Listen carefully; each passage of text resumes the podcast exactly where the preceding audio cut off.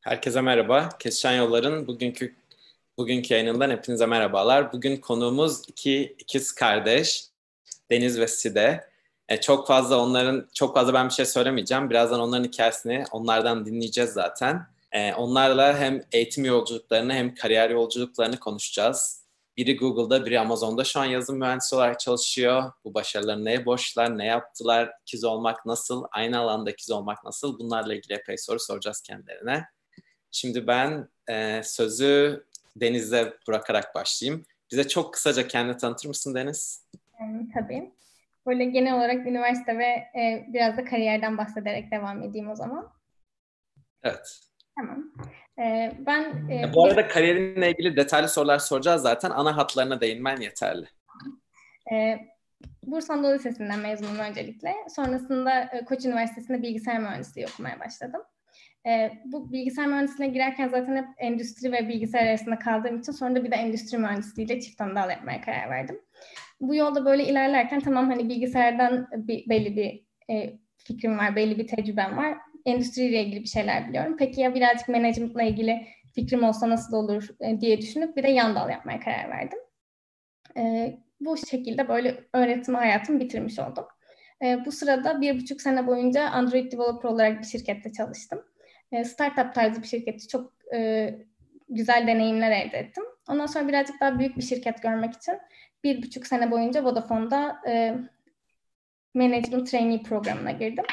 E, bu programda da farklı farklı rotasyonlarla işte gerek network alanında, gerek data science, gerek data, data engineering tarafında bazı tecrübelerim oldu. E, sonra da Amazon'da çalışmaya başladım. Şu an 8 ayım doldu Amazon'da. Londra ofisinde çalışıyorum. Tamam. Devam ediyorum. Side seni de biraz tanıyabilir miyiz? Benimki de bayağı denize benziyor aslında. Farklı olan yerleri Hemen evet. farklılıkları anlatayım. Ben de Bursa Anadolu'dan mezunum. Ben Koç'a e, elektrik elektronik mühendisi olarak girdim. E, sonrasında Yale'de bir tane staj yaptık Deniz'le birlikte. O bilgisayar üstünde bir staj, böyle Big Data analizi gibi ama çok hani basic düzeyde bir Big Data analiz şeydi. Orada da çok fazla programlama kullandık. Ondan sonra bilgisayarı çok hoşuma gitmeye başladı yazılım program. Bu yazılım kısmı elektronikle de çok birbirlerini destekleyen alanlar olduğu için çift sandal yapmaya başladım. Aynı şekilde birazcık da soft skill'leri desteklemek için işletmeye yan dal yaptım Deniz gibi. Zaten oldukça aynı buralar. Ee, sonrasında aynı şirkette çalıştım. Ben de Android developer, iOS developer olarak çalıştım. Bir sene boyunca, bir buçuk, iki sene hatta part-time olarak. Ee, oradan sonra da SAP'nin Development Center'ında çalışmaya başladım. Orada da e, ağ güvenliği üzerine çalıştım. Bir tane distributed system projesi vardı. Ondaki ağ güvenliğin takımındaydım. Şu anda Google'da e, Chrome Incognito takımında çalışıyorum. Kısaca böyleyim diyebilirim.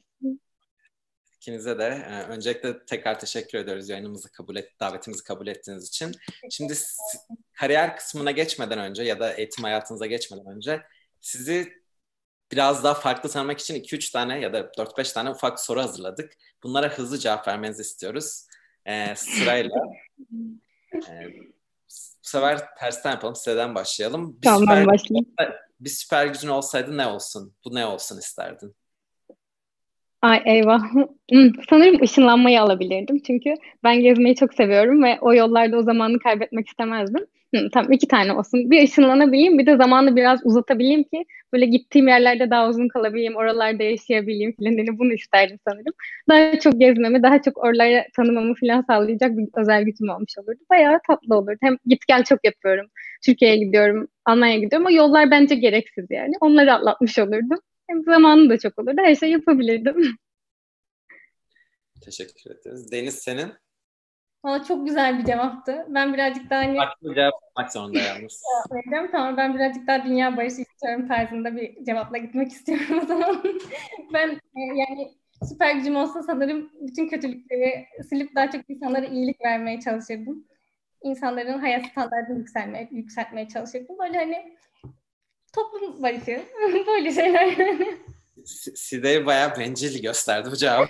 evet ben gerçekten kötü ikiz oldum şu an. Neyse bir sonraki soruda görüşürüz o zaman. o zaman Side'de sıradaki, sıradaki sorumuz Side'ye. Zamanda yolculuk yapabilseydin geçmişe mi geleceğe mi gitmek isterdin? Hmm. Ee, şu an daha iki gün önce Dark izlemeye başladım. O yüzden çok yerinde bir soru oldu bence bu. Ama ben e, geleceğe gitmeyi tercih ederdim. Çünkü ileride ne olacağını çok merak ediyorum. Böyle bir en azından 300-400 sene sonra acaba evrende bir şeyleri keşfedebilecek miyiz mesela? Bu benim için çok büyük bir soru. Ya da çok daha sonra. İnsanoğlu ne zamana kadar var olacak? Acaba tekrar dinozorlar geri döner mi falan böyle soruların cevaplarını alabilirdim. Aslında o yüzden gelecek daha heyecan verici. Ee, senin Deniz cevabın Ee, ben de olabilir ama neden neden? Sizi yalnız bırakmayacağım tabii ki. Ama e, yani gitmekteki sebebim ben birazcık daha böyle acaba e, Mars'a ulaşabilecek miyiz? Acaba farklı gezegenleri keşfedebilecek miyiz? Yani gelecekte nereye giderdim sorusu da gerçekten Mars'a gitmek isterdim mesela yani hani öyle bir şey olacaksa böyle farklı e, tecrübe edilebileceğim güzel yerlere veya güzel zamanlara gitmek isterdim. Teknolojinin daha çok geliştiği. Teşekkür ederiz. Peki bir sorumuz daha. Çocukken veya hala izliyorsanız en sevdiğiniz çizgi film neydi? Ee, ya da dediğim gibi şu an hala çizgi film izliyorsanız ne? Sıra sanırım Deniz'e mi ben başlayayım? Yani hep bunlar senden başlayabiliriz bu sorularda. Tamam. Ee, sanırım çok klasik ama şirinlerdi. Ee, sanırım onun olma sebebi de orada çok saf duygular vardı bence. Çok aslında atta komünitlik olsa bile çocukken onu birbirlerine yardım eden küçük tatlı şeyler olarak gördüğün zaman çok masum temiz bir köydü bence orası ve çok eğlenceliydi. Peki onun komünizm propagandası olduğunu iddialarını okuduğun zaman ne düşündün ileride? Ee, aslında bunu ilk duyduğum zaman yok ya Şirinler hani yok öyle bir şey yoktur dedim. Sonrasında tabii ki birazcık düşününce aslında orada orada olduğu gözüküyor yani. Ama çocuk akıllı bunu anlamıyorsun. 5-6 yaşındayken komünizm nereye ben nereye oluyor.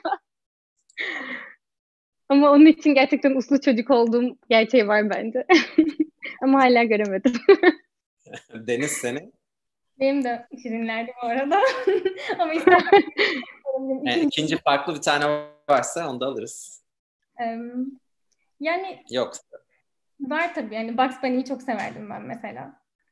Ama hani Şirinler kadar böyle şu sebeplerden diye sayabileceğim elle tutulur bir yanı yok. Sadece Bugs Bunny bence çok tatlıydı ve e, böyle super hareketli, insanın içini mutlu eden bir şeydi bence ve onu izlemekten hoşlanıyordum yani. Ama Şirinler'de daha çok hani böyle e, sadece e, Şirinler daha kalabalık bir topluluk. Hani böyle gerçekten topluca nasıl mutlu olunur veya işte e, dağ çileği toplamaya nasıl gidilir, arkadaşlarına nasıl zaman geçirsin. Bence o e, ideolojileri de çok güzel verdiği için Şirinler tabii ki ilk başta yani benim için de.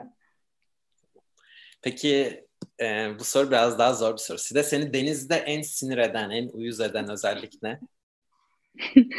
hmm, sanırım bana uyuz oluyor olması. Şimdi bu soruyu Deniz'e sormasak olur. Deniz, Deniz sende Side'yi en sinir eden özellik? Ee, inatçı olması. Ama bu konuda onu yargılayamıyorum. Ben de çok inatçıyım yani. Peki tam tersisi de denizde olan, sende olmadığını düşündüğün, içten içe belki de hafiften kıskandığın bir özelliği var mı Deniz'in? Bence Deniz'in organizasyon yete- yeteneği inanılmaz gelişmiş. Bu son zamanlarda korona yüzünden nereye tatile gideceğimiz falan belli değildi ama elimizde bir deniz olduğu için bize her yeri ayarladı yani çok kolay oldu her şey. Böyle turizm acentesi kalitesinde hizmet veriyor yani. O yüzden bu özelliğini gerçekten kıskanıyorum. Çok güzel çok güzel yeni yerler bulabiliyor rahat rahat. Deniz senin Side için söyleyeceğim. Ben Side'yi kendime göre birazcık daha rahat buluyorum. Yani böyle hayata bakış açısından da aman ya bir şey olmaz daha çok hallederiz. Bence bizim tarafımızda Side. Onun özelliğini birazcık kıskanıyorum açıkçası. Yani gerçekten benim de kafam birazcık daha rahat olsun. Zaten çok rahat olmasına gerek yok. Hani karşımdaki kişi benimle aynı çünkü neredeyse. o yüzden hani bu e, mentaliteye çok e, rahat ulaşılabilecek olduğu için böyle keşke ben de birazcık rahat olsam diye düşünüyorum açıkçası. Şimdi kısa sorularımız bu kadardı. Artık biraz daha ciddi, daha izleyenlerin belki de esas esas merak ettiği demeyeyim. Genelde bu kısımları genelde bir sürü izleyen merak ediyor ama e, kariyer amacıyla izleyenlerin merak ettiği kısımlara geçeceğiz. İkiniz de e, gerçekten alanında hani dünyanın en iyi şirketlerinde çalışıyorsunuz. E, dünyanın en değerli bir milyar, bir trilyon dolar üzerinde değeri olan 4-5 şirket var. Bunların ikisinde çalışıyorsunuz. E, ve hani bunu ikiniz de bu, bu noktaya kadarki akademik başarınız da genelde hani çok iyiymiş. Şimdi e, Deniz sana dönelim istiyorsan senden başlayalım bu sefer. Hani bu nasıl oldu? Senin gibi bunu izleyen e, ileride keşke ben de Amazon'da çalışsan Amazon'daydın değil mi bu arada? Evet, Amazon'da çalışan diğer kişilere tavsiyen var mı? E, oradan başlayalım. Sen yani bu nasıl nasıl yaptın bunu? Nasıl nasıl girdin burada işe? Ne yapmalılar? Şimdi şöyle öncelikle ben birazcık üniversite zamanlarından başlayayım. Ee, tabii bilgisayar okuyan çoğu insan gibi benim de hayalim Google'a gideyim, Amazon'a gideyim. Hani böyle büyük şirketlerde çalışayım da. Ben ikinci sınıfta e, böyle bizim bir mezun platformu gibi bir e, şeyimiz vardı, platformumuz vardı Koç Üniversitesi'nde. O Koç Üniversitesi'nde e, Google'da çalışan e, eski bir mezuna yazmıştım. Onunla bayağı bir konuşmuştuk. Hani ben, benim amacımın ne olduğunu söylemiştim. Yani ileride senin gibi Google'da çalışmak istiyorum. İşte software engineer olmak istiyorum. Bunun için bir yol çizmem gerekiyor. Ve şansım bana böyle bir manevi mentorluk yapmaya başladı. İşte onunla e, ara sıra görüştük böyle hani ne yapmam ne etmem gerekiyor diye. Ondan böyle bir pet aldım açıkçası yani hani nasıl yapsam ne etsem diye. E, ama üniversitenin sonuna doğru gittiğimde aslında birazcık daha Amazon'a girmek, Google'a girmek benim için birazcık daha uzaklaşmaya başladı. Çünkü e, en başta çok güzel hayaller kuruluyor ama birazcık daha ilerledikçe Aa, buraya aslında kimse gitmiyor. Ben de gidemeyecek miyim diye böyle bir kendime e, sınır koymaya başladım açıkçası. Ve hani gerçekten çok uzun süre Amazon'a girmem, Google'a girmem diye hani 30 yaşına geleyim, birkaç biz kaç sene geçsin, birazcık daha tecrübem olsun, oraya öyle başvururum diye düşünüyordum açıkçası. Bu arada çok güzel anlatıyorsun. Bölmek istemiyorum ama tam denk geldi. Derneğimizin aslında amaçlarından biri de bu önyargıları yıkmak ve yani Türkiye'deki öğrencilerin aslında isterlerse ve çalışırlarsa tabii evet. yapabileceklerini göstermek. Bence çok güzel bir amaç gerçekten bu. Yani e, ben o yüzden hani okulda okul sırasında, üniversite sırasında veya üniversiteden mezun olunca bile böyle e, coding interview'lara çalışayım, Google'a başvurayım tarzında e, şeylere çok girişmedim açıkçası. Birkaç başvuru yapmıştım ama hani olmayacağını bildiğim başvurulardı bunlar hep benim için. Ve hiçbir şekilde kendimi hazırlamadım. E, hatta okulda böyle coding interview için e, belirli dersler veriliyordu işte gönüllü olarak. Onlara bile katılmamıştım. Hani çok uzaktaydım aslında bu işten. Fakat e, işte e, birazcık daha ilerledikçe e, bir arkadaşımız sağ olsun hani o bizden daha tecrübeliydi. E, böyle bir şey eğer düşünüyorsanız bence şimdiden yapın dedi. Olmazsa bir daha başvurursunuz. Hiç değilse bu süreci görmüş olursunuz diye girdik aslında biz bu olaya. Bu arada beni duyabiliyor musunuz? Evet duyabiliyorum ben bu arada. Sesimi kıstım da. Tamam. Bir de dondu. Yeniden bağlanabilir belki orada. Tamam. Gel, geri geldim sanırım. Geri geldim. E, Duyuyoruz. Da, tamam güzel. Onun da birazcık böyle bizi teşvikiyle ve onun da yardımlarıyla Gökten bu arada. Biz de selam söylüyoruz buradan. e, e, onun da yardımlarıyla böyle birazcık daha kendimizi e, bu sürece girmiş bulduk aslında. E, çalışma sürecinde işte en başta birkaç tane e, bir tane temel kitap var mesela. Onu okuduk. Ondan sonra lead kodu açtık. Lead koddan sorular çözmeye başladık ama bu sadece Aa, şunu açıyorum, şunu çözüyorum diye değil de işte array'lerden bunu bunu bilmem gerekiyor. Ee, evet bunu böyle çözebiliyorum ama bunu çözmek performans açısından çok kötü. E, ben bunu nasıl çözersem daha iyi olur diye hep bu, bu düşüncelerle kendimizi geliştirerek gittik. İlk başta birazcık daha işte böyle lead koddan çözümler, e, farklı insanların yaptığı çözümleri araştırıp ben de bunu böyle yapsam daha iyi olur diye düşünmeye başlayarak giden bir yolda aslında. Sona doğru da artık yani Amazon'a başvurduktan sonra diyeyim. E, sona doğru Amazon'a başvurdum. Amazon'un bana geri dönmesi bir ayı falan buldu zaten. Ocak gibi başvurmuştum. Şubat gibi döndüm. Sonra bir tane coding interview e, süreci oldu. Üç tane online soru yolladılar. O üç tane online sorunun cevabını bekliyorlardı. İşte o stebi geçtikten sonra ikinci aşama telefon mülakatıydı. E, telefon mülakatında da bir saat boyunca e, biriyle böyle karşılıklı olarak teknik mülakat yapılıyor. Bu mülakatın yarım saatinde e, Amazon'un çok e, değer verdiği böyle 11 tane lider, liderlik özellikleri var. Bu 11 tane liderlik özellikleriyle senin geçmişinin nasıl uyuştuğuna bakılıyor aslında. Bununla ilgili işte şöyle şöyle bir durum yaşadın mı? Eğer bu durumu yaşadıysan buna nasıl cevap verdin tarzında belli e, cevaplar bekliyorlar sizden. Diğer kalan yarım saatinde de kodlama sorusu soruyorlar ve onu e, ekranda çözmeye çalışıyorsunuz. Bu aşamayı da geçtikten sonra bu sefer on-site interview başladı ve onda da 4 veya 5 saat e, teknik interview oluyor. Aynı bu telefondakinin bu sefer beyaz tahtada olan haliydi. E, ya bunlar çalışma aşaması aslında çok önemliydi. Yani o gün zaten orası çok stresliydi ama biz e, Side ile güzel teknikler bulduk. Yani bunları e, bunu çözmek için. Belki o tarafı da Side anlatmak ister. Ben fazla konuştum çünkü. Ben diyecektim. Side sen senin evet. eklemek istediğin belki o kısmı sen anlatırsın. Ee, nasıl, ne, ne tarz teknikler buldunuz? Ya bence... Çünkü bu ben de sor, sormak istiyorum. Biz şimdi dernekte sizin zamanınızda yoktu ama artık var. DevPet diye bir program var, yani, sürdürüyoruz. Bu tam evet, da işte bu öğrencileri... Genelde. Pardon sesimi mülakat süreçlerini hazırlayan bir program. Oradaki öğrencilerimize de tavsiyeleriniz neler olur onu da düşünerek e, sizin taktikleriniz nelerdi? Neler yaptınız siz de? Sizde düştü herhalde evet. Deniz. Senden alalım cevabını. Duyabiliyorsunuz değil mi şu an beni? Şu an duyuyoruz evet. Şu an yine duyamıyoruz. Deniz'den alalım istiyorsan orada arkadaşlar bağlantına tamam. baksın. Ee, şöyle öncelikle hani o söylediğim gibi Bitco'da öncelik verdikten sonra kendimize e, bir şey tahta sipariş ettik internetten. Böyle gerçekten duvarı kaplayan güzel bir tahtaydı. E, artık o lead koddaki soruları tek başımıza çözmeye çalışmak yerine işte Side bana sorular soruyordu, ben çözüyordum. Ben Side'ye sorular çözüyordum, o çözüyordu.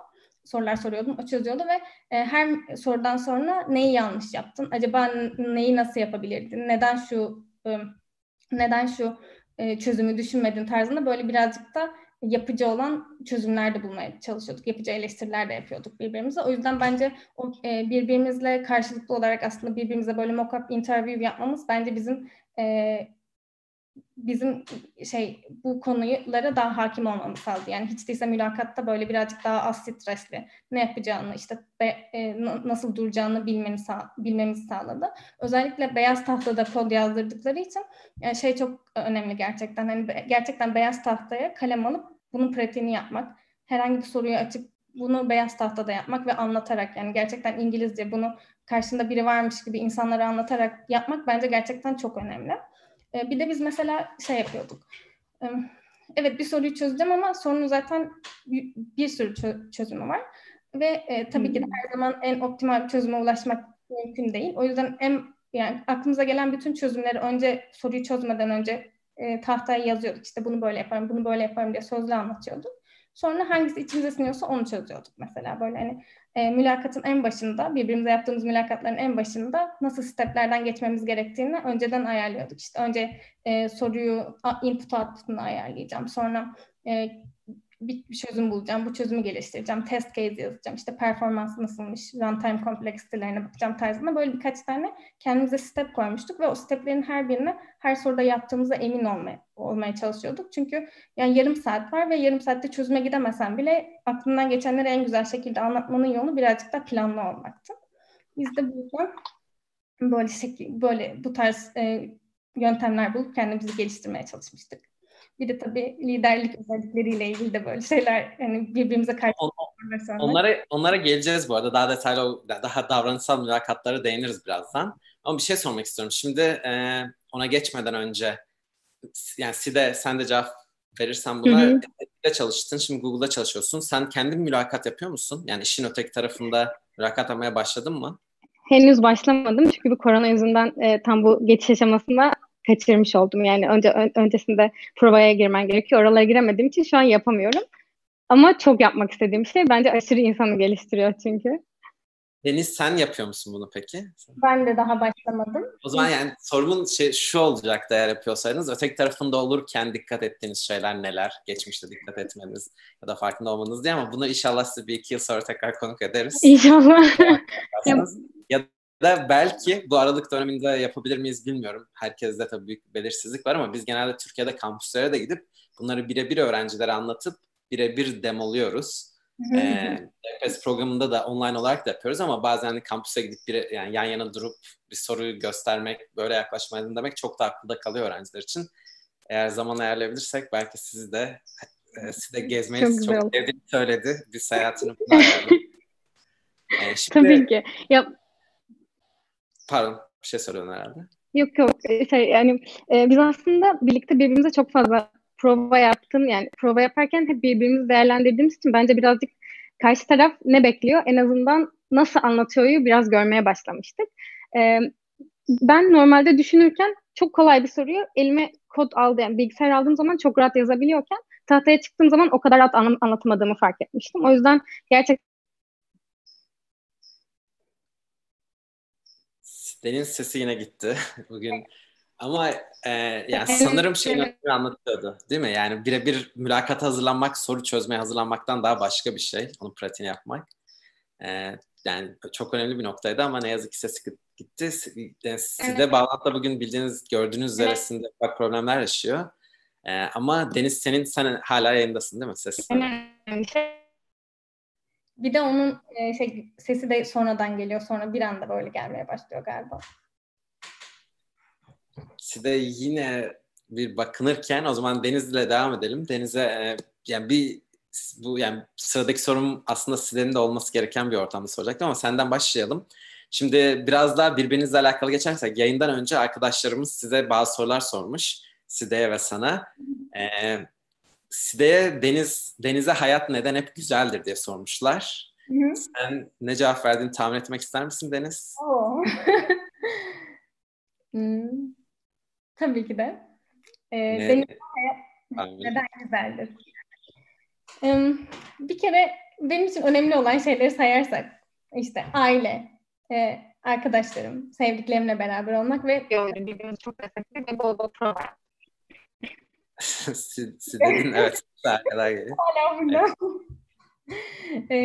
Böyle şeylerden yola çıkarak aslında hayatın güzel olmaması için bir sebep olmadığı için de hayat bana hep güzelmiş gibi geliyor. Yani ger- gerçekten güzel bir ailem var. Arkadaşlarım çok arkadaşlarımın keyfim çok yerinde. E, işimi seviyorum hobilerim var beni mutlu eden. Bence bunlar benim yani hayatta hayatın güzel olması için gayet iyi şeyler. Yani daha fazlasını aradığımı söyleyemeyeceğim açıkçası. Yani tam verdiği cevap bu değildi ama aslında sen cevabında bunu örneklendirmiş oldun. Hayatın hep pozitif tarafını görür demiş. ee, sen de aslında birebir uygulayarak örneklemiş oldun. Peki Deniz'i neler mutlu eder diye sormuşuz Side'ye. Sence ne demiş? Ee, az önce saydıklarım vardır büyük ihtimalle bunlardan. İlk yani ilk söylediği şey o değil. Öyle mi? Evet. Hmm, başka daha, daha, daha iş odaklı bir şey söylemiş ama. Güzel. Ee, başarılı olmak yani. Kariyer... Emeklerinin karşılığını almak onu çok mutlu eder demiş. Ee, evet. Güzel cevap. Doğru. doğru yani. Peki sen de yani demiş de Deniz'le kardeş olmanın en eğlenceli yanı sence ne diye sormuşuz. Sence buna, buna ne cevap vermiştir? Hmm. Gezmek demiş olabilir. Gezmeyi çok sevdiği için, benimle sürekli gezdiği için bunu güzel bir olarak bulmuş olabilir. Bunu, bunu doğru tahmin ettin. Yüzde yüz doğru. Aynen. Turizm ajantalarına taş çıkartacak olmanı bu cevap ol, ol, taş çıkartıyor olmanı bu cevabında da, da değilmiş. Ee, şimdi Side'ye de aslında sana da sormuştuk benzer soruları. Side'ye tahmin ettirecektik. Evet, Ama evet. Side bağlantıda sorun yaşadığı için birazdan yaptırız onu.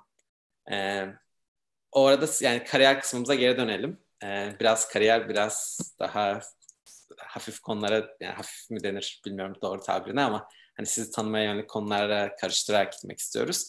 Ee, kariyere geri dönersek, şimdi demin bayağı güzel anlattım bence detaylı bir şekilde ne yapmaları gerektiğini ama bizim en azından benim bu eğitim verdiğimiz öğrencilerde gözlemlediğim bir kısmının kendini de söylediği e, bir e, motivasyon kopukluğu yaşayan çok oluyor. Biraz da senin dediğin gibi siz bunu yenmişsiniz. Hani yapabileceğinize inanmışsınız. Ama en başta ya ben iyi notlar alıyordum. Bunu deniyorum deniyorum olmuyor. Hani üç kere mülakata girdim. Üçünden de kaldım. Ne yapacağım diyorlar. Bunlara söyleyeceğim bir şey var mı? Siz hani motiv yani o geçişi nasıl yaptınız? Nasıl motive ettiniz kendinizi? Ee, arkadaşlar ne yapsın? Bizi izleyen ve motivasyon problemi yaşayan. Ee, yani şöyle bence çok zor bir süreç gerçekten. Hani bunu zaten e, Facebook, yani YouTube'da videolar izleyince de anlayabiliyorsunuz. Yani hani kim nereye nasıl girdiğini eğitici videolar verirken de zaten yani buraya girmek zor. Çünkü şansa da çok bakıyor. Senin bildiğin yerden çıkmayabilir, çok saçma bir şey sorabilir, giren kişi seni sevmeyebilir. Yani her şey mümkün. O yüzden hani burada başarısız olduğumu bence sadece kendine yüklememek gerekiyor.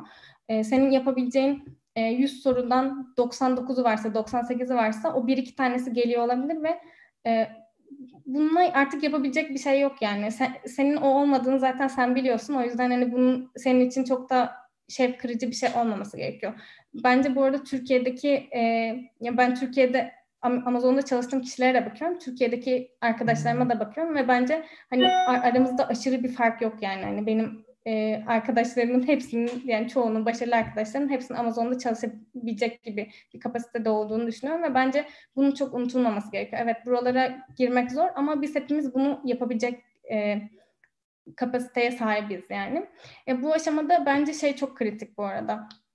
Bir ay boyunca, iki ay boyunca hiç durmadan bunlara çalışmak çok sıkıcı. Gerçekten hani hele işi olanların iş çıkışında böyle şeylerle uğraşması gerçekten insanın hayatından ömür alıyor yani.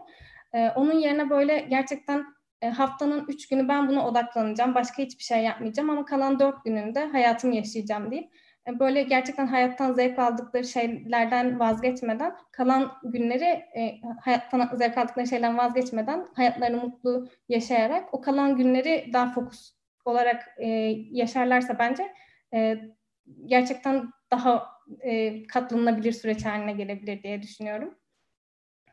Peki e, teşekkür ederiz yine bu cevabın için yani detaylıydı ve tam da istediğimiz bu aslında. Çünkü genel geçer cevaplardan arkadaşlar açıkçası sıkılıyor ve de hani samimi bulmuyorlar. Samimi ve detaylı cevabın için sağ ol. E, peki yani Amazon'da şu ne kadar doğru? Birçok mühendis için işte Amazon'da çalışmak çok e, erişilmez olarak görenler var. Amazon için, Google için, işte Facebook için ya da yani şöyle bir bakış açısı oluyor. Bir, bir kısım arkadaş ya ben yapsam da olmaz zaten. Çok zeki insanlar çalışıyor diye düşünüyor. Bir kısmı tam tersi ya zekayla alakası yok. Şanslı olmak gerekiyor. İşte atıyorum Amerika'da olsaydım çalışırdım ne var ki diye bakıyor. Sence bunun gerçekçi ayarı ne? Ee, ne yani iş arkadaşların hakkında tabii ki olumsuz şeyler söyleme ama düşünüyorsan da ama yani hani e, sen ne düşünüyorsun? İçinde olan biri olarak yaklaşık iki yıldır içinde olan biri olarak bu dışarıdaki fikirler ne kadar doğru, ne kadar gerçeğe yansıtıyor? Ya ben açıkçası hani şeye inanmıyorum hani ben yapamama inanmıyorum. Evet e, deneyip olmuyor olabilir ama ben yapamam yani hayır bence öyle bir şey olamaz yani. Çünkü bu aslında üniversite sınavı gibi bir süreç. Biz hepsi de öyle konuşuyorduk. Yani, yani üniversite sınavında ne kadar disiplin çalışılıyorsa bunu da o kadar disiplin çalışıp yapılabilecek bir şey aslında. Ve gerçekten hani Amazon'daki profiller çok iyi yani ben çok e, yetenekli, çok başarılı insanlarla beraber çalışmaktan çok e, mutluluk duyuyorum. Ama diğer söylediğim gibi hani eski şirketlerime baktığımda da bunlar gibi bir sürü insan vardı ve e, ben Amazon'a giremem veya ben bu büyük şirketlerde zaten çalışamam diye düşünüyordu o insanlar ama şu an bakınca aslında yani çoğu çalışabilir. Bizim tabii ki de Türkiye'de olmaktan ve bu tarz şeyleri çok görememekten kaynaklı bazı dezavantajlarımız oluyor yani hani mutlaka önümüze bir örnek istiyoruz. Ve bunun da en büyük sebeplerinden büyük büyük ihtimalle e, ilk aşamayı da geçmek zor bence. Hani yani CV elemesi bence en zor aşamalarından biri. Çünkü çok fazla başvuru alıyorlar. Türkiye'deki hangi okullar iyi, hangi okullar kötü, senin potansiyelini çok fazla göremiyorlar. Ama yine de hani o zaten CV aşaması bir şekilde referans olunarak veya e, çok fazla başvuru yaparak geçilebilecek bir aşama. Onun dışındaki aşamalarda da yani bence kesinlikle ben yapamam, o yapamaz veya ben buraya uygun değilim diye düşünebilecek bir durum yok. Ben de öyle düşünüyordum açıkçası. Yani daha erken ben hiçbir şey bilmiyorum. Şu an oraya başvurmayayım diye düşünüyordum ama öyle bir ortam değil yani. yani gerçekten seviyorsan ve o işi yapmak istiyorsan oraya gitmek istiyorsan bunu kafana oturtup artık tamam ben bir sene çalışacaksam bir sene çalışacağım sonra gideceğim orada mutlu olacağım diye böyle bir şey kendine bence çizgi çekmek gayet mantıklı ve yapılabilir gibi duruyor bana. Teşekkür ediyoruz. Side geri gelebildi sanırım. Biz duyuyor musunuz? Sanırım geldim. Ben siz çok iyi diyorum. Umarım siz de duyuyorsunuzdur bu sefer. Henüz duyuyoruz. Ee, tam özür dilerim. Sormadan önce izleyicilere şu an bizi yaklaşık olarak farklı platformlarda toplam 50 küsür kişi izliyor. Normalde bu bizim için bayağı iyi bir rakam ama hiç soru gelmiyor. Bunun sanırım anlamı bayağı iyi anlatıyorsunuz. Hani kimse soru sormanın dinlemekten keyif alıyor diye düşünüyorum. Ama arkadaşlara bir kere daha hatırlatalım. Size soruları varsa yazabilirler bize, sorabilirler. Ee, e, sen gelmeden önce, bilmiyorum ne kadar kalın ama Deniz'le Amazon'da çalışmak, Amazon'da çevre yani çevrendeki iş arkadaşların vesaire çok çok hepsi çok daha iyi insanlar mı yoksa hepsi çok ortalamada şanslı insanlar mı? Bir sürü farklı bakış açısı var. Google için belki Amazon'dan da fazla teori var bu konuda. Google hani bu işi çok popülerize eden şirketlerin başında gelen bir şirket. Ben kendim de 5 yıla yakın çalıştım. Ondan hani e, Google'ın algısı biraz daha farklı olabiliyor. Sen ne düşünüyorsun? Bu algılar ne kadar doğru? Bence şöyle, e, Google'da ne kadar insanlar inanılmaz süper zeka mıdır değil midir henüz bence o yargıyı yap, yapamam. Herhangi bir insanı öyle yargılayamam ama e, genel olarak herhangi birinin çok iyi iş yaptığını söyleyebilirim. En azından benim karşılaştığım senaryoda. E, şöyle bir yapı var. E, iş yapmak istediğinizde ya da yaptırmak istediğinizde mutlaka bir kontak buluyorsunuz ve o işin hamallığından arındırıyor sizi bu. Aynı zamanda insanlar da bunun üstüne eğitilmiş. Yani, e, Türkiye'de şeyle karşılaşabiliyorum. Sadece Türkiye odaklı değil bence ama şirketlerin yapısıyla alakalı. E, birine bir şey söylediğin zaman karşındakinin e, iyi ya da kötü olmasından bağımsız olarak iş ilerleyemeyebiliyor. Çünkü rol tanımları güzel olmamış olabiliyor. Ama Google'da benim gördüğüm kadarıyla rol tanımları çok e, güzel yapıldı. Yani belirlenmiş ve kimin nereye gitmesi gerektiğini görebiliyorsun. O yüzden insanlar aralarda kaybolmuyor. Yani birisi herhangi bir iş yaparken çok zorlanarak yapmıyor. Çünkü kendi bildiği alanı yapmaya çalışıyor. Ee, Google'da ben, benim gördüğüm kadarıyla Türkiye'de daha önce çalıştığım yerlerle karşılaştırıyorum. Türkiye'dekiler çok kötüydü, Google'dakiler çok iyi gibi bir şey asla yok. Ee, gerçekten şey Türkiye'de ben çok mükemmel insanlarla çalıştım. Google'da da çok mükemmel insanlarla çalışıyorum. Yani herkes ne yaptığını biliyor. Herkes kendini gayet iyi tanıyor. Gayet hepsi çok zeki. Herkes çok zeki zaten. Yani hiç kimsenin yaptığı iş kolay değil. Ee, Google'da biraz daha gördüm genel yani çoğunluk çok planlı. Ee, ve verdiği sözü tutuyor diyeyim. Hani böyle bir ay bunu yarın yaparım gibi bir ötemele, ötelemeler çok fazla olmuyor en azından benim gördüğüm. Ee, zeka konusunda bir şey demiyorum. Google'dakiler en zekiler falan öyle bir şey diyemem. Çünkü her yerde çok zeki insanlar var bence ama oradakiler gerçekten e, oradaki çok iş yapan insan oranı daha fazla diyeyim. Böyle bir kıyaslama yapabilirim belki. Şimdi sen gelmeden, sen tam koptuğun zaman e, Deniz'e, daha doğrusu sana sorduğumuz soruları cevaplarını Deniz'den tahmin etmesini istemiştik. Şimdi tam tersini yapacağız. Deniz'e seninle soruların cevaplarını senden tahmin etmeni isteyeceğiz. Yani tamam. Deniz'e sormuşuz. Zide'yle kardeş olmanın en eğlenceli yanı ne? Sence ne demiş? Hmm. Hmm. Acaba benim verdiğim gibi cevap vermiş olabilir mi? Böyle çok gezmeyi seviyoruz, çok gülmeyi seviyoruz. O yüzden çok eğleniyoruz demiş olabilir belki. Ee, yakın yani eğlenmeyi ikimiz de hayal, hayal etmeyi, hayal etmeyi seven insanlarız da eklemiş Deniz. Peki Deniz'e demiş ki Side sence gerçekten çok konuşuyor mu? Ee, aranızda böyle bir şey mi var? Sen... Bence bence çok konuşuyor demiştir diye düşünüyorum. Yok bence gerekli olduğu tam da gerekli olduğu kadar Ay mükemmel ya. Teşekkür ederim. Peki sence Deniz hiç senmişsin gibi, Side'ymiş gibi davrandığı durumlar olmuş mu? Oldu. Bir kere arkadaşımızı kandırdık. Bilmiyorum bundan konuştunuz mu ama. Ee, ben bir şey olayı vardı. Hangi kıyafeti giymeliyim gibi bir şeyler konuşmuştuk bir arkadaşımla. Bana işte kırmızı kıyafet giy demişti ama ben kırmızı kıyafet Deniz'e giydirdim. Sonra Deniz gitti arkadaşımızla konuştu böyle Side'ymiş gibi. Bir yarım saat süren, süren bir süreç boyunca sürekli Side olduğunu devam etti ve arkadaşımızla herhalde bir 3-4 ayda falan tanışmıştık o zamana kadar. Yani ilk gün görüşmüştük. Bayağı uzun bir süreçti. O böyle yarım saat gitti. Sonra bir yerden sonra şey dedim artık ben Side'yim bu arada diye. Ondan sonra belli olmuştu. Te- Tabii tehlikeli şey.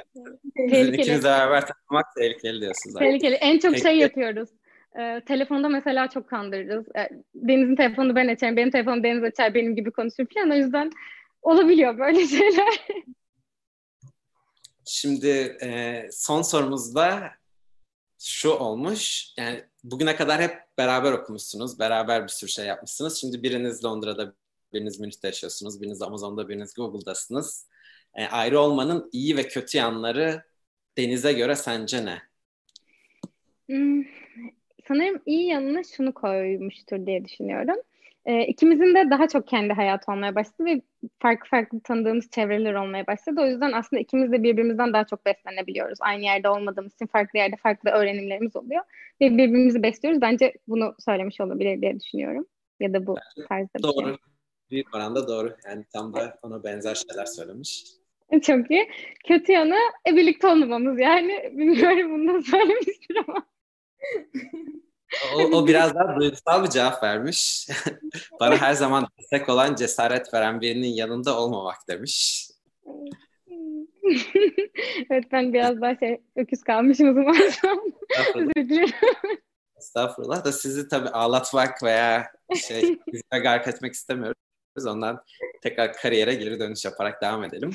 Şimdi e, yani bunu söyledik tekrar tekrar söylemenin bir anlamı yok ama gerçek bu. Hani ikinizin çalıştığı firmalarda insanların genelde özellikle Türkiye'den doğrudan girmekte zorlandığı firmalar. Biz dernek olarak 2-3 yıldır bunun e, hazırlığına yardımcı olmaya çalıştığımız için ondan önce ben 2012-13'ten beri Türkiye'de üniversite etkinlikleri yaptım. Kişisel olarak bunu çok yakından gözlemledim. Yaptığınız şey aslında e, yani yapılabilir olsa da başarı. E, hani o, o vizyona sahip olmak, o emeği göstermek. Demin Deniz biraz nasıl motivasyonunuzu kaybetmediğinizi anlattı ama yine de hani anlatması kolay, uygulaması zor şeyler. E, sizin gibi mesela şu an işte Boğaziçi'ndeki bir arkadaş sormuş.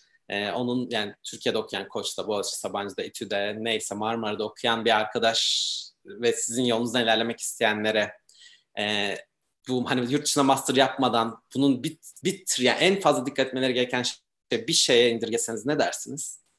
Yani bir, sizin bilmediğiniz ve onların bilmesi gereken ya da sizin biraz geç öğrendiğiniz bir bir şeye bir e, tiyonuz var mı? Bir. Birçok var. Bir tane de olur ama hani bir tane böyle en önemlisi. Yani bu, bu tarz yapay sınırlamalar insanı düşünmeye sevk eder ya. ya. Bu arada bence en önemli şeylerden biri e, bir referans lazım bu büyük şirketlere başvuruluyorsa ben kesinlikle onu bulmalarını tavsiye ediyorum. Çünkü ben daha öncesinden başvurmuştum. Internship'e başvurdum. Yine normal işe de başvurdum ama geri dönüş alamadım bile yani. Çünkü o kadar çok başvuru geliyor ki bir e, referans şart bence. E, bu ilk söyleyeceğim şey olur. Bence buraya bir de şey eklemesi yapabiliriz. Yani referans almak maksadında olmasa bile işte Google'da çalışan, Amazon'da kişiler, çalışan kişileri takip edip bu kişilerle iletişimde olup bir şekilde tanışıp hani ben ne yapmalıyımın cevabını alırlarsa bence o öyle daha kolay ilerleniyor. Yoksa hani ben kör kütük başvurdum aman olacak çok zor bir süreç zaten. Hani herhangi bir yere başvurunca da çok zor. Google'da, Amazon'da da elenmesi çok kolay yani. O yüzden hani böyle içeriden e, ne yapmam gerekiyor? Google neye önem verir? Amazon neye önem verir? Bilgisini almak bence çok kıymetli. Peki şimdi bu söylediğine istinaden sizinle iletişime geçmek isterlerse, e, soru sormak isterlerse vakit ayırabilir misiniz? İletişime tabii ki ayırırız. Bizim LinkedIn'lerimizden ekleyebilirler bence. Oradan okay. tabii konuşur istediklerini. Çok da seviniriz yani. Yani bu dedikleriniz doğru ama ben hani size göre bir 10 yaş daha büyük belki de daha fazla büyük biri olarak şunu söyleyeyim. Bence ama bundan sonrası hayatınızın yani kariyeriniz açısından işinizi çok kolaylaştırdınız ikiniz de. Yani CV'nizde bir kere Amazon, Google, işte Facebook, Microsoft neyse büyük teknoloji devlerinden bir tanesi olduğu anda e, bence ondan sonra hayatınız çok daha kolay oluyor teknoloji alanında. Ben kendim de ilk işte böyle hani saatlerce çalışmış, yüz kereden başvuru yapmış biri olarak e, sonradan Google'dan ayrılmış, ondan sonra da iki farklı şirkette çalışmış biri olarak aradaki fark gerçekten dağlar kadar. E, arkadaşlar da ne kadar zor ve yor, yorucu bir süreç de olsa sonrası meyvesini çok topluyorsunuz gerçekten. Hani siz daha toplayacaksınız da. Yani. Evet, çok başındayız evet. bakalım. Ama Şimdi... bu arada ben bir şey söylemek istiyorum. Ee, evet. Çok şey ama e, bundan bilmiyorum 5 sene önce mi 6 sene önce mi sen Koç'a gelmiştim. Ben aslında ilk Google'da çalışma ihtimalini orada görmüştüm. Orada e, biriyle birlikte gelmiştim sanırım. O, o zaman e, ben Palantir'deyken e, evet. Gökcan, Gökcan'la geldim ama ondan önce Google'dayken de geldim aslında. Sizin kariyer ofisinizde e, ismini şu an nasıl Elif Hanım vardı. E, Sağ olsun çok yardımcı olurdu bu tarz etkinliklere. Yani bir, bir kere Google'dayken geldik, bir kere Palantir'dayken geldim, bir kere de sonradan e, sanırım kulüpe başladıktan sonra da geldim. Hı hı. Evet. E, bu, ben... Bunu bizi çok, çok mutlu ediyor. Beni de ediyor, Gökçen de ediyordur eminim söylerim. evet çok ee, güzel yani bu, yani. Ama böyle amacımız tam da buydu aslında. Tam da buydu yani sizin gibi daha birde ikide olanları veya üçte dörtte olanları hani bunu yapabilirsiniz. Yolu bu. Duygusunu ya da tohumunu atmak.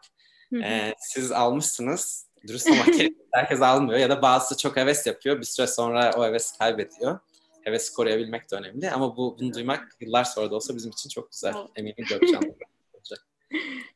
Şimdi e, bir arkadaştan soru gelmiş. Boğaziçi'ndeyim. CV'mde üniversitenin faydası olur mu sizce diyor.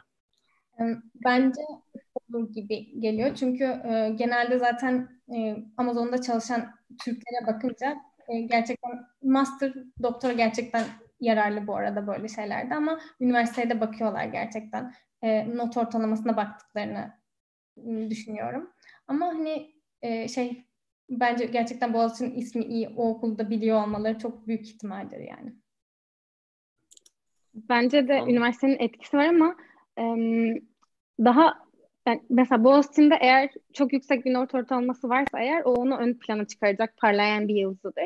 Ama e, eğer o kadar yüksek bir not ortalaması yoksa onun yerine böyle bir bölümle alakalı bir staj, bir part-time çalışma daha ön plana çıkarabilir. Çünkü aslında bu benim gördüğüm CV elemesi ilk başta HR'ın gözüne çarpana kadar ve o HR'ın gözüne çarpmak için bir şeyi parlatıyor olmanız gerekiyor. Bu Boğaziçi çok bilinen bir okul ve Boğaziçi'nde iyi bir not ortalaması demek de çok çok çok iyi bir şey yani. E, bununla parlayabilir ya da ek bir şeyler de yaparak yanına şey yapar yani bence. Başka bir arkadaşımız da data scientist nedir, ne yapar diye sormuş. Bu da aslında güzel bir soru. Yazılıma çok odaklı gittik ama e, dünyada çok popüler olan yani yazılım yazılım kadar büyümese de hızlı büyümese de yine çok hızlı büyüyen birçok birime bölüme göre alana göre çok hızlı büyüyen bir alan. Ee, evet. Deniz'in tecrübesi vardı değil mi? Data. evet.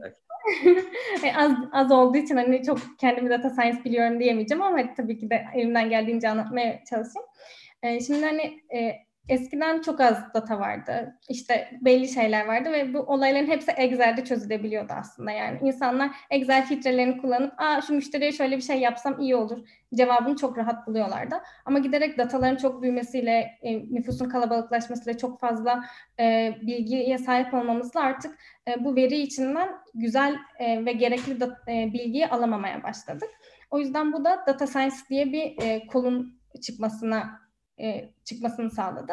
Data science aslında e, sadece e, bir datadan bir veri çekmek değildir aslında. Çok daha ilerisi de vardır bunun ama yani basic olarak e, evet elimde müşterilerimin datası var. Bu müşterilerimden e, ben hangileri mesela hangileri benim şirketimi bırakacak? Ben e, müşterinin davranışına göre bunu bulmaya çalışabilirim mesela veya e, elimdeki data banka datasıysa e, kişilerin harcamalarına bakıp bu kişilerden hangisi acaba limit arttırımına gitmek ister? Acaba hangisi bizden e, acaba hangisi bizden loan almak ister tarzında şeylere gidebilir. Yani böyle birazcık daha büyük datayı kullanarak, machine learning algoritmalarını da kullanarak bunun cevabını vermektir.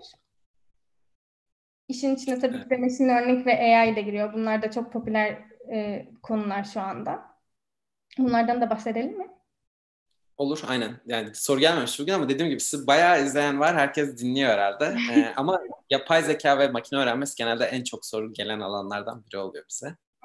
Ya, hani ben yapay zeka konusunda ve makine öğrenmesi konusunda hani böyle bir master e, gibi bir şey yapmadım. Hatta üniversite hayatımda da e, işte part time çalışırken bu dersi almaya falan da çok e, zamanım olmamıştı ama ben kesinlikle bilgisayar okuyan insanların bu dersi almasını şiddetle tavsiye ediyorum bence. Hani çünkü evet bilgisayardan mezun olunca bir software engineering tarafı var, security tarafı var ama bir de data tarafı var ve o tarafta giderek gelişiyor ve o tarafta mesela çok fazla master yapan, çok fazla doktora yapan ve gerçekten çok insanın ilgisini çeken şeyler ve gelecekte de o tarafın zaten e, mutlaka olması gereken bir e, tecrübe, mutlaka olması gereken bir e, özellik olacak gibi duruyor yani. E, makine öğrenmesinden bahsedelim mi birazcık? Evet, kısaca edebilirsin. Bir iki soru gelmiş bu arada. Ben de dokümanımızı kontrol ettim. O istiyorsan sorduklarına cevaplayalım. Vakit kalırsa merak eden arkadaşlar varsa sorsunlar bize. Tamam. Ee, bu çünkü bence güzel bir soru ve önemli bir soru. Eray sormuş bunu bize. Ee, sizin gibi iş imkanı yakalamak için yurt dışındaki büyük teknoloji firmalarında bir alanda uzman olmak gerekiyor mu yoksa hani bu dezavantaj mı yaratıyor aşırı uzmanlaşma demiş. Ne düşünüyorsunuz? Ya, bence şöyle, özellikle giriş aşamasında yazılım mühendisliğinde bizim girdiğimiz, Deniz'in de girdiği Amazon'da, benim de Google'da girdiğim alan zaten başlangıç. O yüzden hiçbir e, özelleşme aramıyorlar. Hatta mülakat süreçleri de bunun üzerine kurulu. E, Google'a girerken mesela ben dört tane teknik mülakattan geçtim. Şey on-site olan, oraya gittiğimde olandan. Hepsi de sadece algoritma üzerineydi. Ve herhangi bir özelleşme aramıyor. Özelleşmeyle ilgili herhangi bir şey de sormuyor. E, sadece en efficient algoritmayı yazıp bunu büyük data setlerine uygulayabilir hale getirmeni sorguluyor. Ve onunla ilgili sağına soluna kapsayıcı sorular soruyor ve derine inmeye çalışıyor aslında. O yüzden hiçbir şey aramıyor. E, bir alanda uzmanlaşma aramıyor. Ama eğer ki e, atıyorum security spesifik bir alana başvurmak istiyorsanız o zaman durumlar daha da değişebiliyor. E, ama eğer yazılım mühendisi düşünüyorsanız ve mezun olduktan bir iki sene içinde başvuruyorsanız zaten giriş pozisyonu başvurduğunuz için herhangi bir alanda e, özelleşmiş olmanız beklenmiyor sizden. Sadece bilgisayarın temel prensiplerini gerçekten bil, biliyor olmanız gerekiyor. Operating sisteminden bunun network'üne, network'ünden artık coding'ine falan yani her şeyin böyle overall bir şekilde görebiliyor olmanız bekleniyor. Bir de tabii bunun yanı sıra bence şey e, tarzı roller de var.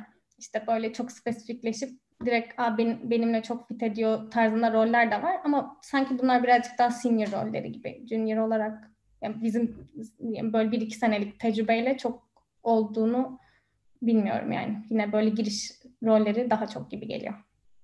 Genelde büyük şirketler 4 yıl, 4 yıl 4 yıla kadar tecrübesi olanlar hep giriş rolüne değerlendirirler. Bu hani bir yandan iyi bir yandan kötü bir şey. İyi kısmı mülakatlar, giriş mülakatlarıyla aynı oluyor. Kötü kısmı geçmişteki tecrübenizi hiçe sayıyor gibi oluyorlar. Ee, o yüzden ama... belki ne kadar çabuk girsen o kadar iyi olabilir. Ki boş boşuna o 4 yıllık tecrübeyi kaybetmemiş ol. En azından orada getir. Eray'ın sorusuna inşallah cevap olmuştur. Olmadıysa Eray devam edebilirsin. Arkadaşlar bize iletir.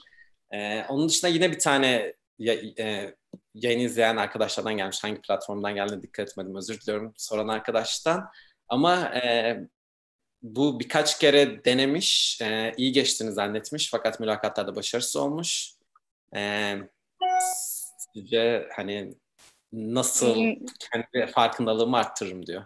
Ben şey, mesela Amazon mülakatından sonra HR beni arayıp hani ne kötü ne iyi filan diye böyle bir kritik yapmıştı. Ee, yine bence hani e, şey çok kritik yani eğer birinden feedback alabiliyorsa onu yaparsa çok güzel olur. Onun dışında yine bence biriyle karşılıklı olarak mülakat yapıp bu işlere birazcık daha yakın olan e, kendi hakkında e, geri bildirim alması bence çok yararlı olur. Çünkü hani kendi yaparken veya kendi konuşurken bunun mükemmel olduğunu e, düşünmüştür belki de ama karşıdaki belki Aa, şunu böyle yapmasaydı daha iyi olurdu diye düşünüp sadece ondan bile elenmiş olabilir. O yüzden aslında birkaç tane böyle farklı bu işi bilen insanla beraber mülakat yapıp karşılıklı kendi eksiğini e, bulup onun üzerine gitmesi bence daha başarılı olur. Bunun haricinde ben bir şey daha eklemek istiyorum. Kesinlikle biriyle mülakat yapmak çok önemli. Ama onun haricinde mülakat kendi mülakatını kendi videoya çekip izleyebilir mesela ve YouTube'da milyonlarca içerik var. Nasıl interview yapılır? In, güzel interview nasıl olur? Mock interview'lar var yine onları da izleyebilir. Onları ve kendi yaptığını karşılaştırabilir. Böylece acaba nerelerde eksik yapıyor? Nasıl bir yol haritası çizmeli kendine? Ee, böyle de gidebilir. Yani biriyle mutlaka olması bence çok önemli ama bol bol antrenman çok önemli. Onu çok öneriyoruz Yağmur'da. Video izlesin, kendini çeksin, kendini izlesin. Beğeniyor mu, beğenmiyor mu, nerede yanlış sever kendisi görecektir mutlaka. Şunu da izleyen arkadaşlar söylemek istiyorum. Biz kesinlikle yayından önce bunları söylemeleri konusunda bir şey söylemedik. Çünkü bizim eğitim programlarında verdiğimiz ödevlerden biri kendilerini kaydetmek, ve demek oluyor ve bunu dün mesela arkadaşların yarısı yapmamıştı. Ee, Yapalım bunu lütfen. siz, de, bu, siz de burada bir kere daha söylerseniz bunu kesin, yani böyle bir cevap verin diye benim önceden bir şey demediğim size. ama teşekkür ederiz gerçekten. Ben yani ben kesinlikle katılıyorum söylediklerinize. Arkadaşlar bazen hani çok lead kodda soru çözmek yeterli gibi oluyor ama bilmiyorum siz de katılırsınız herhalde. O işin yarısı hatta bazen zarar veriyor çok fazla o modda çözmeye alışmak. E, yani orada bence soruyu çözmek, e, soruyu en basit haliyle çözmek, atıyorum 20 puansa çözdüğünü anlatabilmek 40 puan. Soruyu iyi çözebilmek 30 puan. Yani aslında arada sadece 10 puan fark ediyorken iyi ve çok iyi çözmek, kendini anlatabilmek aşırı çok şey değiştiriyor. O yüzden olabildiğince anlatmaya çalışmak gerekiyor orada. Karşıdaki anlamadan alamıyor çünkü yapacak bir şey yok. soru gelmiş. Bence çok da güzel bir soru. Genelde alanda da bizim alanda da çok tartışılan bir soru. Bu tarz mülakatta ölçtükleri şeylerle sizce işte gereken beceriler ne kadar örtüşüyor? Örtüşmüyor mu? Yoksa siz ne düşünüyorsunuz? bu bence bu arada biz bunu ekip içinde de konuşuyoruz. Yani hani acaba Amazon mülakatları ne kadar gerçek işi yansıtıyordur diye konuşuyoruz. Açıkçası aşırı değil yani hani evet mülakata çalıştım şu çok yararlı oldu onu burada kullanıyorum diye pek bir şey söylemiyorum. Bir tek işte e, Object Oriented Design ve e, System Design daha yararlı bu konuda. Ama coding interview'larda e, evet bir algoritmayı anlamak bence güzel ama bunu birebir şey işte mapleyemiyoruz maalesef. Ama mesela benim hayat, bende şöyle bir şey olmuştu işte bir e, problemi çözerken çalıştığım kodlama algoritmalarından birini böyle böyle kullansak nasıl olur diye e, birine sunduğumda aa evet çok güzel fikir demişti mesela. Hani böyle minik yerlerde işe yarıyor ama birebir mapleme açıkçası ben göremiyorum. Sadece onlar tabii ki de e, yaptığımızı anlattığımız için e, sizin düşünce yapınızı anlayıp oradan gerçekten bizimle beraber çalışabilir mi? E, yeni problemleri çözebilir mi? Bunu anlamaya çalışıyorlar aslında. Side sen ne düşünüyorsun? Ben de öyle düşünüyorum. Ben yani hiç orada mülakat sürecinde çalıştığım şeyleri hiç işte kullanmadım. Çok alakasız yani yaptığım şu iş. Şu an yaptığım iş. Ee, ama bence orada şey görüyorlar. E, teknik olarak nasıl iletişim kurabiliyor? Karşısına gelen bir soruna nasıl yaklaşabiliyor? E, sosyal olarak davranışı nasıl Google'ın ya da Amazon'un e, kültürüne uyum sağlar mıyı bence görüyorlar. Yüzde yüz işe yarıyor mu ya da çok mu insan kaçırıyorlar bundan ya da almaları gerektiğinden daha fazla mı insan alıyorlar? Orası bence de tartışmalı. Ee, sadece bence kültüre uygunluğunu e, ve belli bir seviyenin olduğu seviyenin üstünde olduğunu ölçüyor. Aynı zamanda da e, biraz da ne kadar mülakatı iyi yönettiğini de ölçüyor. Yani ki bence orası biraz dezavantajı bunların. Çünkü mülakatta iyi yapamayıp normalde çok çok iyi yapan insanlar olduğuna eminim ve orada eğlenen. Bu biraz kötü bence. Ama bu yani her sektör için aslında biraz geçerli değil mi? Yarım saatte, bir saatte, bir günde birini tartmak bayağı aslında zor bir iş başlı başına. Aynen yani... öyle. Ama yine de bence hani bir saatlik böyle oturup muhabbet etmektense böyle 4-5 saatlik e, interview'lara girip 4-5 kişinin seni görmesi bence çok daha başarılı bir yöntem yani. Zor. Evet. Çok zor ama onlar için daha garanti. Ve Anneki. benim bildiğim bende de. Benim bildiğim kadarıyla mesela Google'da şöyle bir süreç işliyor. Eğer dört tane teknik mülakatın hepsini iyi yapamazsanız ama belli bir kısmını gerçekten iyi yaparsanız ve sizin geçer not almıyorsunuz ama geçmeye adaysanız daha fazla mülakata çağırıyorlar. Siz aslında dört tanenin dördünde geçemedi bırakıyoruz seni gibi bir yapı yok. Ama sana tutunmaya çalışıyorlar yani. Onlar da farkındalar belki de bu sistemin o kadar da tutarlı olmadığını yani şimdi nasıl bilmiyorum ama benim zamanımda işe alım komitesi ekstra mülakat isteyebiliyordu. O zaman bir veya iki tane follow-up mülakat yapılıyordu dediğim gibi. Ama şu var mesela Google zamanında da araştırması yapılıyordu bunun. İş, mülakat sonuçlarıyla e, performansın arasında korelasyon var mı yok mu? Çok çok çok az bir korelasyon yani yoktu. E, ama yani orada bence o veride çok şey bir durum var. Hani bu işe girenler üzerinde yapılıyor bu araştırma. Hani girmeyenleri evet. de dahil evet. Belli seviyenin üstünde olanlar arasında bu araştırma yapılıyor. E, yani ben mesela daha ufak bir firmada çalışmanın şöyle bir avantajı oluyor artık. Mesela ben Quip'te beraber çalıştığım herkesi bir, bir arkadaş hariç, o da benim referansımdı. Palantir'de beraber çalışmıştık. E, mülakatlarına girdim. E, mesela komitede tartışılan e, insanların kaygı olarak da getirdiği şeylerin bir kısmı bir yıl sonra gerçek oluyor. Yani hani çok alakasız değil. Benim en azından daha küçük şirketin öyle bir avantajı oluyor. Birçok kişinin iş alım sürecinde ne tartışılmıştı onu biliyorsunuz, hatırlıyorsunuz. İyi yaptıkları nelerdi, kötü yaptıkları nelerdi. Ve böyle hani sıfır korelasyon kesinlikle değil. İyi bir korelasyon var. Ee, ama hani bu tabii ki yani hani çok orada çok iyi gösteren, çok iyi performa yapacak, mülakatı ucundan geçen teklifi ucundan alan kötü yapacak diye olmuyor size söylediniz. Ee, ama yani arkadaşlara e, hani bir de ellerinde değiştiremeyecekleri şeylere çok odaklanmaktansa hani mülakat sistemi böyle yakın tarihte de değişmeyecek. Sizin yaptığınız Aynen gibi öyle. geçmenin yolunu bulurlar. Yani bu biraz şey gibi bence üniversite sınavı gibi. Yani belli bir yol var. Gerçekten yapılması gereken şeyler aslında 1 2 3 diye sıralayabileceğimiz kadar netler. Yani çalışmak gerekiyor. Bir kitap okuyacaksınız zaten bir tane şey var. Bible var zaten. Onu okuyorsunuz. Sonra lead code'dan soru çözüyorsunuz. Bol bol alıştırma yapıyorsunuz. Anlatmaya çalışıyorsunuz. Referans buluyorsunuz, başvuruyorsunuz gibi birkaç stepten oluşuyor. Ama en en en, önemlisi gerçekten psikolojik olarak buna hazırlanmış olmak. Çünkü birçok insan buna hem çalışırken hazırlanıyor ya da okurken hazırlanıyor.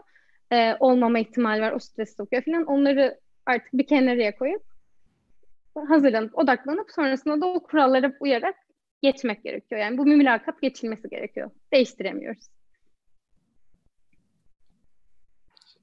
Size çok teşekkür ediyoruz. Süremizin sonuna geldik ama e, bir iki ufak soruyla yani bir 5-10 dakikanızda almak istiyoruz sizin için uygunsa. Ee, vaktiniz varsa. Şimdi onlara geçmeden bir iki şey hatırlatmak istiyorum izleyen arkadaşlara. Bir, e, eğer kanalımızı beğeniyorsanız abone olabilirsiniz. İkincisi anketimiz var. YouTube'da ise chatte, Facebook'tan izliyorsanız aşağıda, Twitter'da da komentlerde var sanırım. E, onun dışında başka platformda izliyorsanız anketlerde bilmiyorum ama e, geri bildirim anketimiz var. Onu da doldurursanız bize geri bildirim verseniz iyi olur. Her zaman e, birebir konuşmak isterseniz bize mail de atabilirsiniz. Geri bildirimlerinizi dinlemek istiyoruz. İzleyen arkadaşlara bu. E, bu iki ufak hatırlatmadan sonra artık yavaş yavaş toparlamak istiyoruz. E, yani bu sorular aslında birkaç ufak soru gelmiş ama bunlara cevap verdiniz. Bazı arkadaşlar ortada izlemeye başlıyor. Baştaki şeyleri kaçırıyor ama hem yani toparlayıcı olması açısından hem son sözler gibi olması açısından geriye dönüp baksanız şu an eğitim hayatınıza ya da e, daha çok gençsiniz ama yine de hayatınıza yani şunu keşke farklı yapsaydım dediğiniz, şu konuda daha bilgili, bilinçli olsaydım dediğiniz bir şey var mı? Sizin arkanızdan gelenlere vereceğiniz en büyük tavsiye ne olur? Benim... Yani bir sürü tavsiye verdiniz ama hani şu an mesela özellikle kadın mühendislerin az olduğu bir alanda iki kız kardeş olarak bunu başarmış olarak sizi izleyen belki ilkokul, ortaokulda olan ve bir gün e, kız öğrencilere vereceğiniz şeyler nelerdir, tavsiyeler? Güzel. Ya da erkek öğrencilere illa.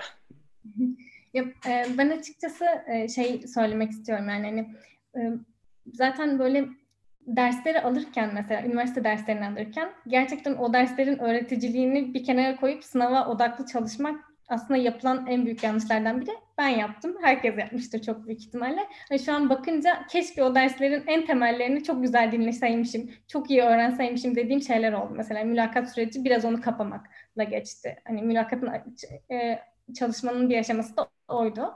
Bir önceliklerini alınan derslerin güzelce öğrenilmesi diyebilirim. Bence yine de şey söylemek istiyorum hani data ile ilgili ders alınması, machine learning ile yapay zeka ile ilgili bunlar geleceğe çok hazırlayan şeyler ve eğlenceli şeyler. Bu konuda insanların şey yapması.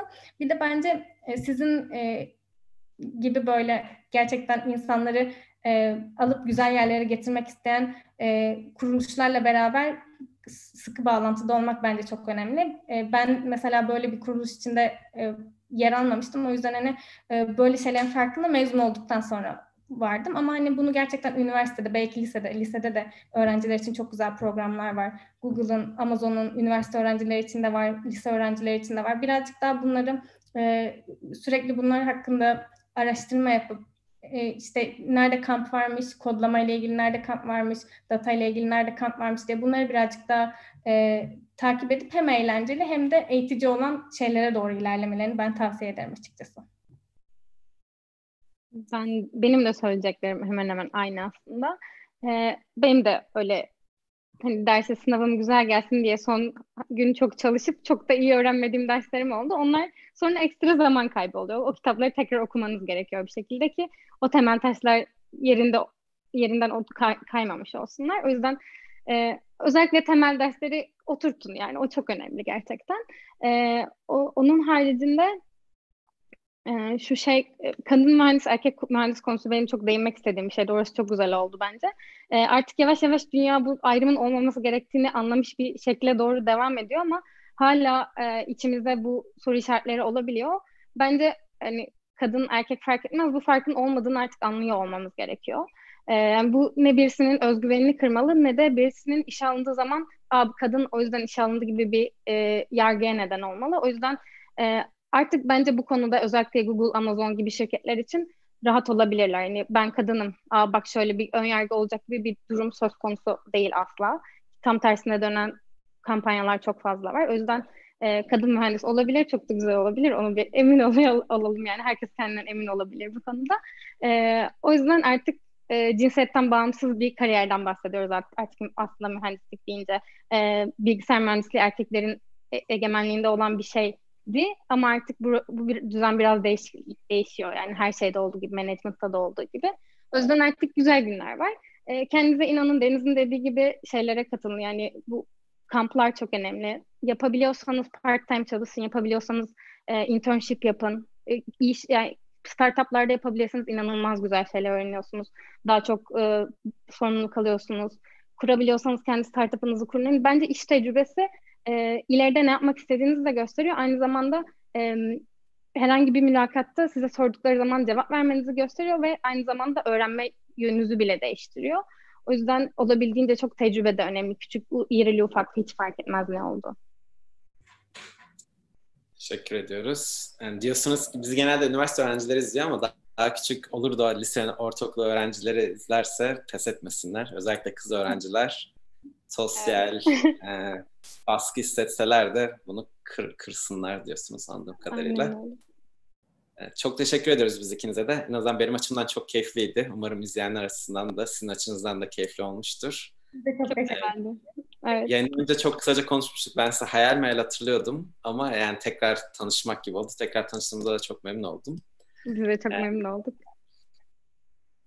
Şimdi son izleyicilere hatırlatmamız da e, haftaya konuğumuz, bundan sonraki konuğumuz e, Okan Üniversitesi Eğitim Fakültesi Dekanı Aytaç Göş olacak. 25 Temmuz e, Cumartesi günü oluyor sanırım. 6 gün sonra Türkiye saatiyle 8'de e, eğitim alanında neler oluyor, neler bitiyor, Okan Üniversitesi neler yapıyor, Aytaç Hanım'ın görüşleri neler. Kendisi daha önce de kanalımızda bir kere konuk olmuştu. Ben de Sabancı Üniversitesi'nden tanıyorum. E, bayağı tecrübeli, lise öğretmenliği yapmış. Sabancı'da başka bir akademik destek biriminde çalışıyordu. Okan Üniversitesi'nde şimdi öğretmen yetiştiriyor. Epey vizyonu geniş, eğitim alanında çok farklı çalışmalar yapmış biri. E, arkadaşlar izlemek isteyenler için onu bir daha hatırlatmak istiyoruz. Tekrar Deniz'e ve size çok teşekkürler. E, haftaya bir dahaki yarın yani haftaya ben olmayacağım ama yine yayınımızda görüşmek görüşmek üzere.